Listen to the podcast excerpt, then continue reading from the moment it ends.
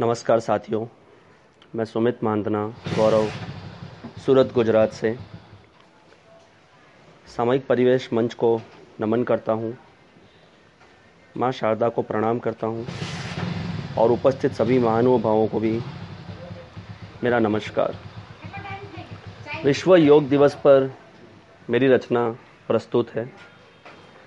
योग वो है जो अंदर से आपको सशक्त बनाता है, बाहर से आपको तंदुरुस्त बनाता है।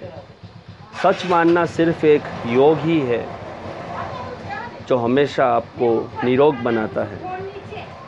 चित्त में आपके शांति जगाता है, भय और तनाव को दूर भगाता है। सच मानना सिर्फ़ एक योग ही है, जो हमेशा आपको खुश रहना सिखाता है। हटीले से हटीले रोग मिटाता है। काया आपकी सुडौल बनाता है। सच मानना सिर्फ़ एक योग ही है, जो हमेशा आपको खूबसूरत बनाता है। नेचर भी देखो कैसा संयोग लाता है।